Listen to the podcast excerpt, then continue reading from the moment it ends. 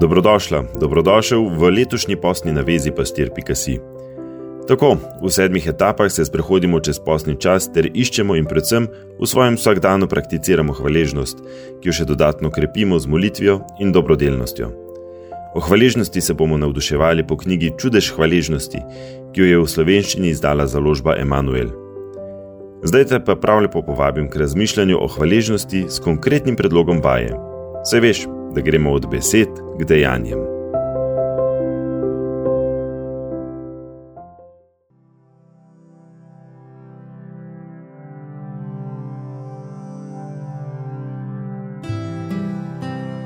Postanimo mojstri v kreposti hvaležnosti. Razvijanje hvaležnosti kot temeljne življenjske naravnanosti nam omogoča, da postopno postanemo gospodari svojega notranjega razpoloženja. Pogosto namreč naše razpoloženje niha glede na zunanje dogodke, pozitivne ali negativne. Ko se urimo v hvaležnosti, nam to omogoča, da takšna nihanja oblažimo in se jim postopno povsem izognemo. Avtor knjige Čudež hvaležnosti izpostavlja štiri stopnje kreposti hvaležnosti. Na kateri stopnji prepoznaš sebe? Prva stopnja: ostajaš v nehvaležnosti. Ne občutiš prav nobene hvaležnosti, ne za to, kar si, ne za to, kar imaš ali kar živiš. Nenehno se pritožuješ in se počutiš nemočno ali kot žrtev. Druga stopnja. Kdaj pa kdaj občutiš trenutek hvaležnosti? O kakšnem pozitivnem dogodku te včasih obide hvaležnost, ki pa je omejena bolj na posamične trenutke. Tretja stopnja. Prizadevaš si za krepitev hvaležnosti, pogosto in namerno se povezuješ s čustvom hvaležnosti. Redno vadiš, da bi bila hvaležnost prisotna v tvojem življenju. Zavestno si tudi prizadevaš, da se k njej vračaš v trenutkih preizkušenj, sprva manjših, postopno pa tudi večjih. Četrta stopnja. Krepost hvaležnosti je postala del tvojega življenja. Hvaležnost je v tvojem življenju postala stalna naravnanost. Kadar naletiš na težavo, si Gospodu hvaležen, hvaležna, da jo dojemaš kot priložnost za rast, božje darilo. Na kateri stopni hvaležnosti sem? V čem moram napredovati, da bom dosegla višjo stopnjo? Kateri so moji glavni sovražniki hvaležnosti? Obžalovanje, strahovi, nepotrpežljivost, skrbi, obžalovanje prelmevanje dogodkov, na katere nimamo nobenega vpliva in najzanesljivejša pot v depresijo. To poraja občutek nemoči, ki nas postavlja v vlogo žrtve. Ali sem nagnjena k obžalovanju preteklosti?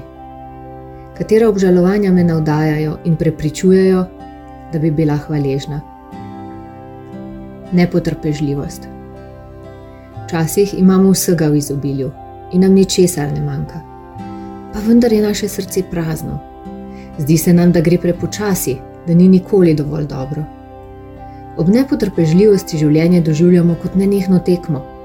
Nepotrpežljivost je nekakšna nehvaležnost do sedanjosti. Sem po naravi nepotrpežljiva? Zvezi s čim in v katerih razmerah sem nepotrpežljiva? Strahovi. Naši strahovi izvirajo iz duševnosti in so pogosto mogočno urodje, s katerim nas hudobec hromi. Tudi če je občutek resničen, so strahovi pogosto osnovani na namišljenih nevarnostih. Ali sem pogosto stesnobna in zaskrbljena?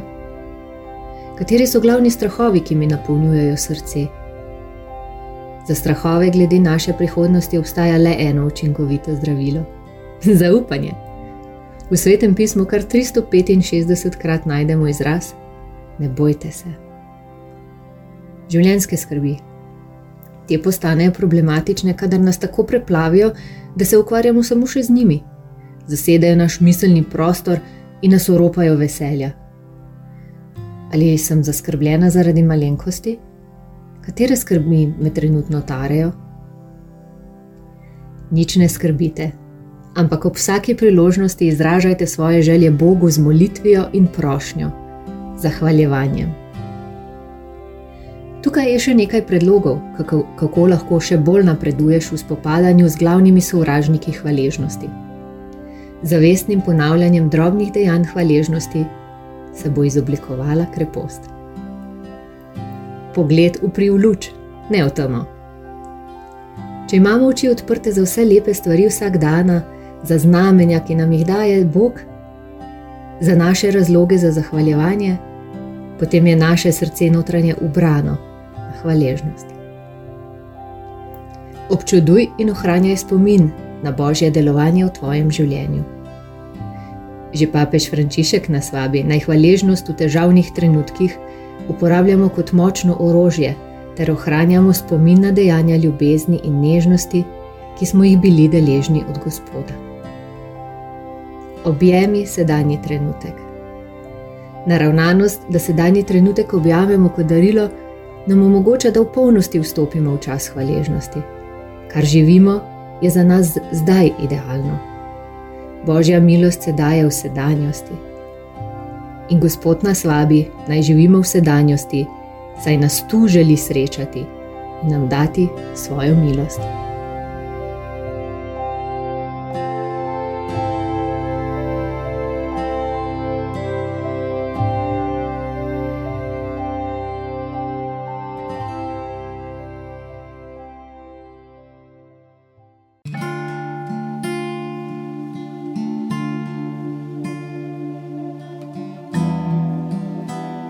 Spraševanje vesti o hvaležnosti.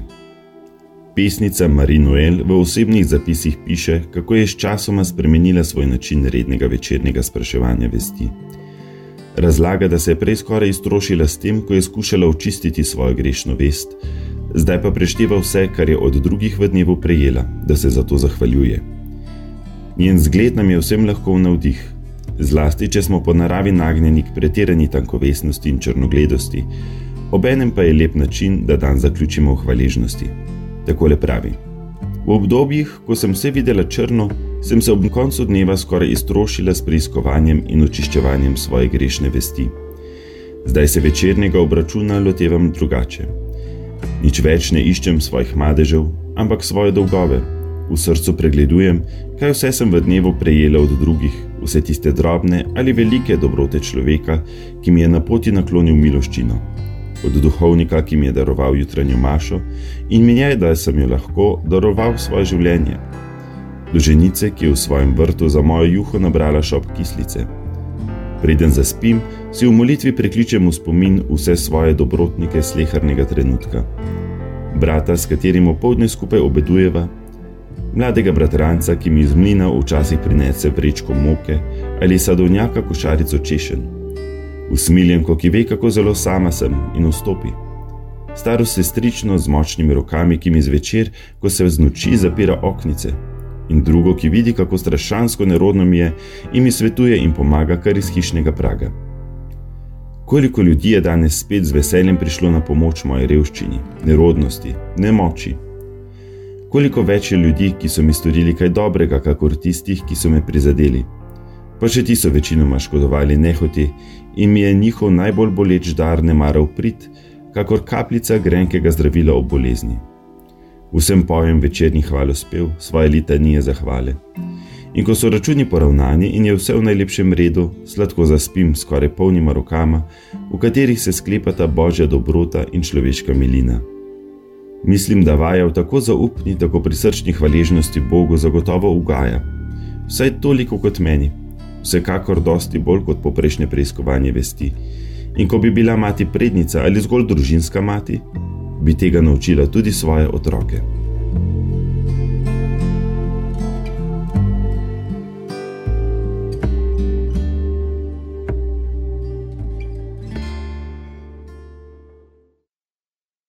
Gospod, nauči me razločevati, kaj lahko spremenim in česa ne morem spremeniti. Daj mi poguma, da bom spremenjala, kar lahko. Daj mi moči, da bom prenašala, česar ne morem spremeniti. In daj mi modrosti, da bom med obojim razločevala.